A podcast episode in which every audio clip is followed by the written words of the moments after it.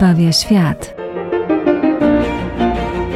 Zapraszamy Państwa na audycję o dziełach sztuki, które mają wartość uświęcającą.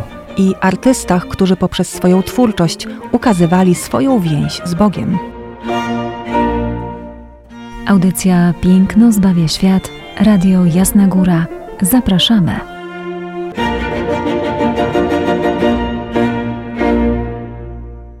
Izabela Banaszewska, witam Państwa bardzo serdecznie. W dzisiejszej audycji Piękno zbawia świat. Zapraszam na spacer po Paryżu, bowiem obiektem, któremu będziemy się dzisiaj przyglądać, będzie kościół, jakiemu nadano miano najdziwniejszego kościoła Paryża. Tym niezwykłym obiektem architektonicznym będzie L'Église de la Madeleine autorstwa Pierre Aleksandra Vignona w Paryżu. Zanim jednak dojdziemy do bryły naszej konstrukcji architektonicznej, musimy się nieco cofnąć w czasie. Cofniemy się do epoki baroku. Dlaczego? Ponieważ nasz kościół La Madeleine powstaje w klasycyzmie i tak naprawdę jest takim sztandarowym obiektem tej epoki. A jak wiemy, klasycyzm był epoką, nurtem w dziejach sztuki, w którym prym wiódł Paryż. A zatem cofnijmy się jeszcze y, na chwileczkę do Rzymu, do czasów baroku.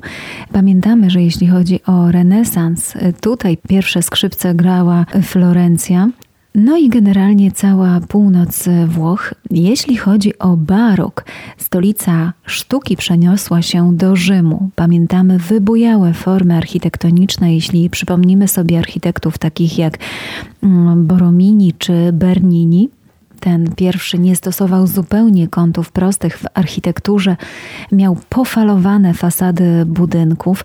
Tego drugiego kojarzymy zarówno jako rzeźbiarza, jak i właśnie jako architekta.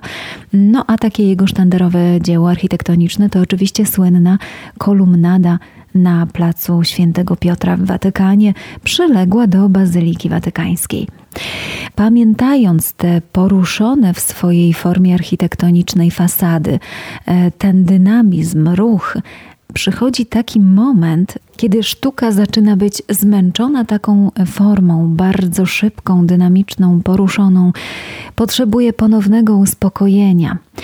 No i tak też się dzieje, bo już w czasach baroku e, właściwie można powiedzieć, że jego schyłek będzie już należał do Francji, a tutaj przede wszystkim do Paryża. Tam będziemy mieć takich architektów, którzy już w wydaniach sztuki barokowej będą stosowali bardziej uspokojoną formułę, dzięki czemu będzie ona bardziej akceptowalna jeśli chodzi o estetykę dla społeczeństwa.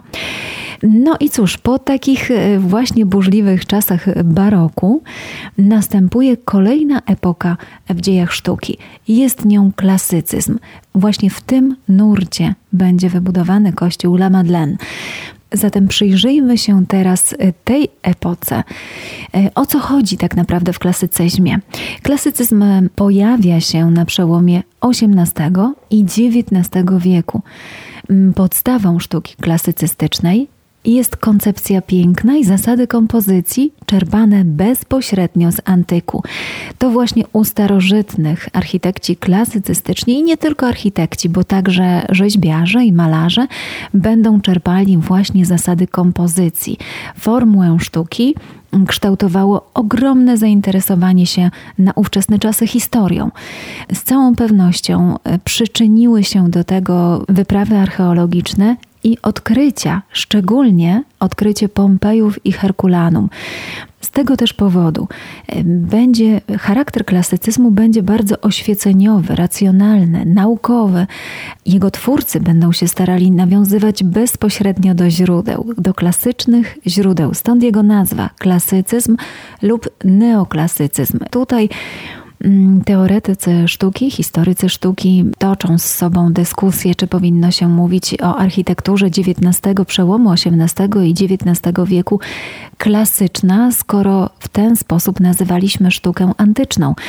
Tak czy inaczej, mówiąc klasycyzm lub neoklasycyzm i mając na myśli w węższym znaczeniu kierunek artystyczny, jaki wystąpił w połowie XVIII wieku i objął prawie całą Europę i Amerykę Północną, właśnie stanowiąc reakcję na przesadę sztuki późnego baroku, inspirowany ideologią oświecenia i odnoszący się do starożytnych zasad i porządków architektonicznych, będziemy mieli na myśli dokładnie ten sam kierunek. Skąd płynęły impulsy? Wspomniałam już o odkryciu Pompejów i Herkulanum. I faktycznie impulsy płynęły bezpośrednio z Włoch, bo to właśnie na terytorium e, tego państwa mamy do tej pory zgromadzonych najwięcej starożytnych ruin, a one były dla nas w tym momencie właśnie tymi materiałami źródłowymi. Bardzo ważni, jeśli chodzi o architekturę klasycyzmu, stali się również teoretycy sztuki. Taką sytuację mamy chyba po raz pierwszy a głównym teoretykiem był niemiecki historyk sztuki i konserwator Winkelmann, twórca definicji klasycyzmu opartej właśnie na tej szlachetnej prostocie i spokojnej wielkości, bo przyznają Państwo, że budowle, na które będziemy spoglądać, to prawdziwe monumenty. A zatem Johann Winkelmann, autor dzieła o naśladowaniu starożytnych i twórca klasyfikacji rzeźby greckiej, zwolennik antyku greckiego, to pierwszy z ojców klasycyzmu. Kto był kolejnym ojcem klasycyzmu? Tego byśmy się nie spodziewali, bowiem był nim autor grafik Giovanni Battista Piranesi. To ogromny zwolennik antyku rzymskiego i propagator mm, sztuki starożytnej. Stworzył setki grafik, posługując się tutaj bardzo mocno również i swoją wyobraźnią, ponieważ na podstawie zachowanych ruin postarał się o odtworzenie całkowitych brył architektury antycznej te grafiki Piranesiego z widokami zabytków starożytnego Rzymu, a także z fantazjami architektonicznymi, architektonicznymi jak dzisiaj um, o nich mówimy, miały ogromne znaczenie dla upowszechnienia się samej idei klasycyzmu która objęła oczywiście nie tylko architekturę, ale także malarstwo czy rzeźbę. Jeśli chodzi o samą architekturę, bo nasz dzisiejszy obiekt to obiekt właśnie architektoniczny, Klasycyzm bardzo łatwo rozróżnić. Dlaczego? Ponieważ będzie się on charakteryzował szerokim zastosowaniem antycznych porządków doryckiego, jońskiego i korynckiego. Powiedziałam antycznych, a nie greckich, ponieważ Grecy faktycznie wynaleźli wszystkie trzy porządki architektoniczne, styl dorycki, joński i koryncki, ale ten ostatni zastosowali tylko we wnętrzu. E, nigdy nie zastosowali go e, w elewacjach swojej monumentalnej architektury, natomiast e, z polotem wykorzystali styl koryncki i zastosowali go w swojej architekturze właśnie Rzymianie. Oni także kapitel joński i koryncki poddali pewnym modyfikacjom, tworząc także kapitel kompozytowy. Tak czy inaczej, można powiedzieć, że architektura klasycystyczna bardzo mocno inspirowana była budowlami właśnie antycznymi, greckimi lub rzymskimi. Detal i dekoracja stosowane są w tej architekturze z niezwykłym umiarem. Jest to styl bardzo chłodny, a jednocześnie bardzo malowniczy poprzez zastosowanie właśnie porządków architektonicznych w fasadzie. Jeśli chodzi o konstrukcję budynków klasycystycznych, jest ona bardzo czytelna. Porównując ją z barokiem, widzimy poza dosłownym kopiowaniem elementów architektury starożytnej, czyli kolumnat, portyków kolumnowych, tympanonów, pilastrów, fryzów, widzimy taką typową opozycję do baroku, czyli przeważają fasady o liniach prostych, bez wygięć, bez skrętów, oszczędne stosowanie zdobnictwa jeśli pojawia się jakaś rzeźba, to tylko i wyłącznie w miejscach dla niej przeznaczonych, czyli na przykład w tympanonach czy fryzach. Ten spokojny, a nawet chłodny styl znalazł swoje miejsce w budownictwie użyteczności publicznej. Bardzo często w tym stylu budowano urzędy, teatry, szpitale, szkoły, a także muzea.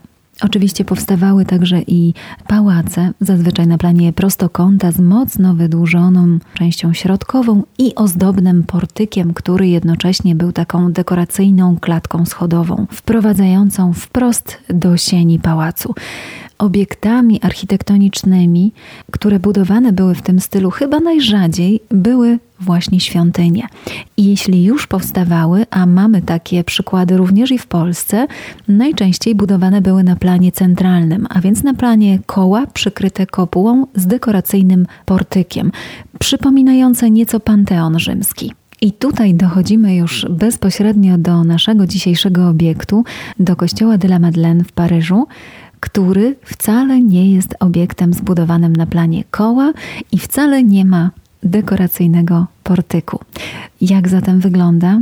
No jak już wspomniałam, jest to najdziwniejszy kościół Paryża, ponieważ przypomina kubek w kubek antyczną świątynię w typie Peripteros Octostylos. Brzmi skomplikowanie, ale zaraz wyjaśnię o co chodzi. Otóż greckie stylos to kolumna, a greckie pteros to kolumnada. Zatem, gdybyśmy zatem mieli w fasadzie zachodniej, czyli na krótkim boku naszego prostokąta, którym jest y, świątynia antyczna, sześć kolumn, sześć to greckie heksa, mielibyśmy zatem do czynienia z heksastylosem. Jeśli mamy osiem kolumn w fasadzie głównej, wówczas mamy oktostylos. Jeśli chodzi o same kolumnady, będzie tutaj jeszcze prościej. Powiedziałam, że La Madeleine to peripteros. Pteros to kolumnada, zatem peripteros to kościół otoczony jedną kolumnadą ze wszystkich stron, natomiast występowały jeszcze dipterosy. Dipteros to oczywiście świątynia otoczona podwójną kolumnadą ze wszystkich stron. Nasza La Madeleine to octostylos peripteros, a zatem 8 kolumn w fasadzie i pojedyncza kolumnada. Jak mówiłam, nie jest to wcale tak bardzo skomplikowane. Tutaj zachęcam Państwa serdecznie do tego, aby znaleźć ten niezwykły budynek w internecie, wyszukać sobie ilustrację, aby dokładnie wiedzieć, o czym w tej chwili mówimy. Kościół Świętej Magdaleny ma bardzo długą i burzliwą historię. Znajduje się w ósmej dzielnicy Paryża. Jak już wspomniałam, jego usytuowanie jest bardzo charakterystyczne, bo choć leży na placu La Madeleine, czyli placu Świętej Magdaleny, w prostej linii od tego kościoła przebiega linia placu de la Concorde, czyli placu Zgody. Jest to bardzo ważne miejsce Paryża, gdyż naprzeciwko kościoła znajduje się budynek Zgromadzenia Narodowego. W całości jest to jeden z najwcześniejszych, dużych neoklasycystycznych budynków imitujących całkowicie zewnętrzną formę rzymskiej świątyni, a nie tylko front portyku. Skoro wiemy, że jego plan to prostokąt, możemy się domyślać, że wewnątrz kościoła będzie tylko jedna nawa. I tak też się dzieje. Wewnątrz kościół ma jedną nawę, którą tworzą trzy przęsła. Nad każdym z tych przęseł kopuła, a zatem trzy kopuły zamiast sklepienia. Bogato złocone w wystroju i inspirowane rzymskimi łaźniami szerokie łuki. W prezbiterium kościoła nad ołtarzem głównym jest posąg przedstawiający świętą Marię Magdalenę, podnoszoną przez anioły. Posąg ten również pochodzi z epoki. Całą naszą świątynię, która wzniesiona jest na kilkumetrowym gzymsie, a więc prowadzi do niej szereg schodów, otaczają ze wszystkich stron 52 dwudziestometrowe kolumny, umieszczone wokół całego budynku. We frontonie wejścia do kościoła mamy klasyczny portyk.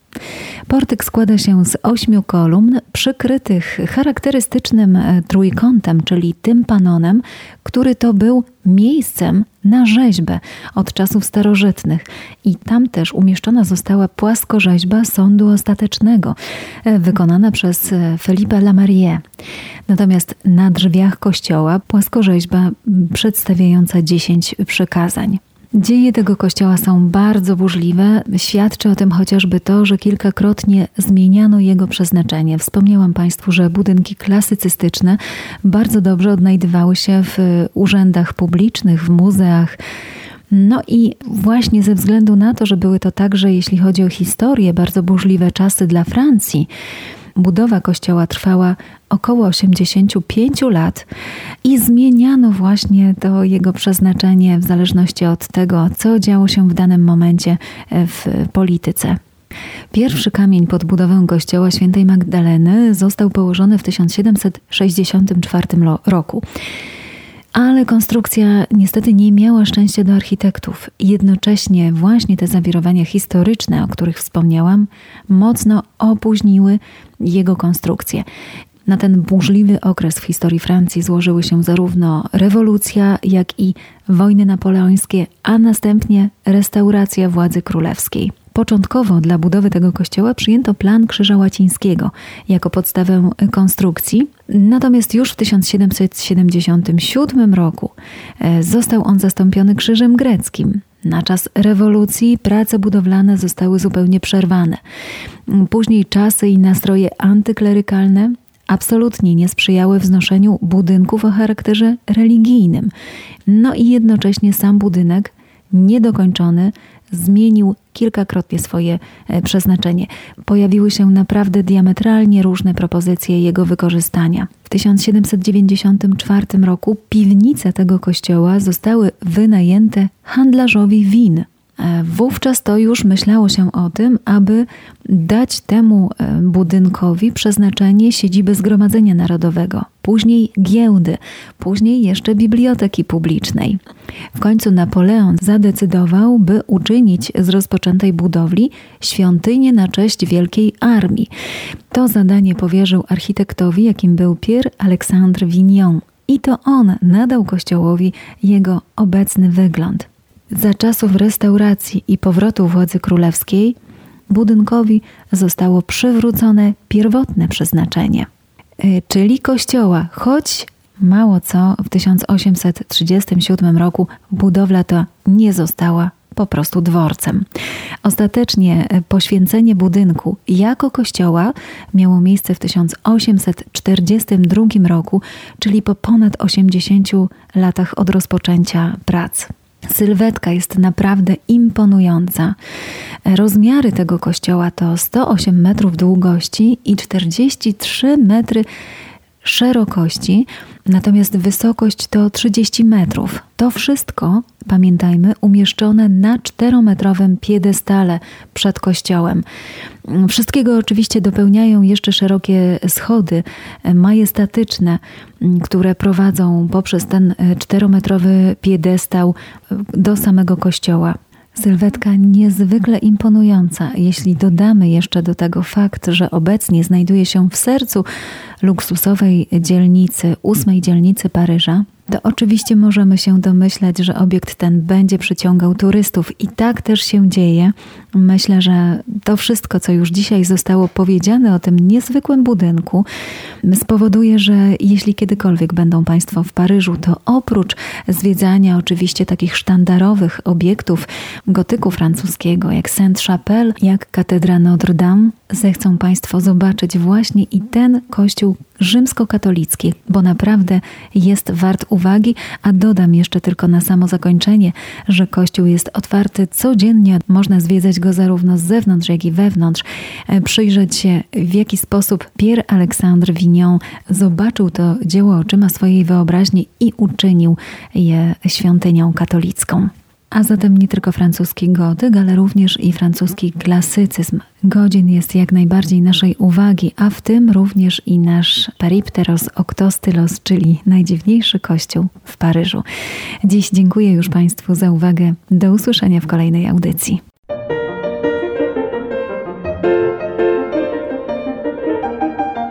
Piękno zbawia świat. Zapraszamy Państwa na audycje o dziełach sztuki, które mają wartość uświęcającą. I artystach, którzy poprzez swoją twórczość ukazywali swoją więź z Bogiem. Audycja Piękno zbawia świat. Radio Jasna Góra. Zapraszamy.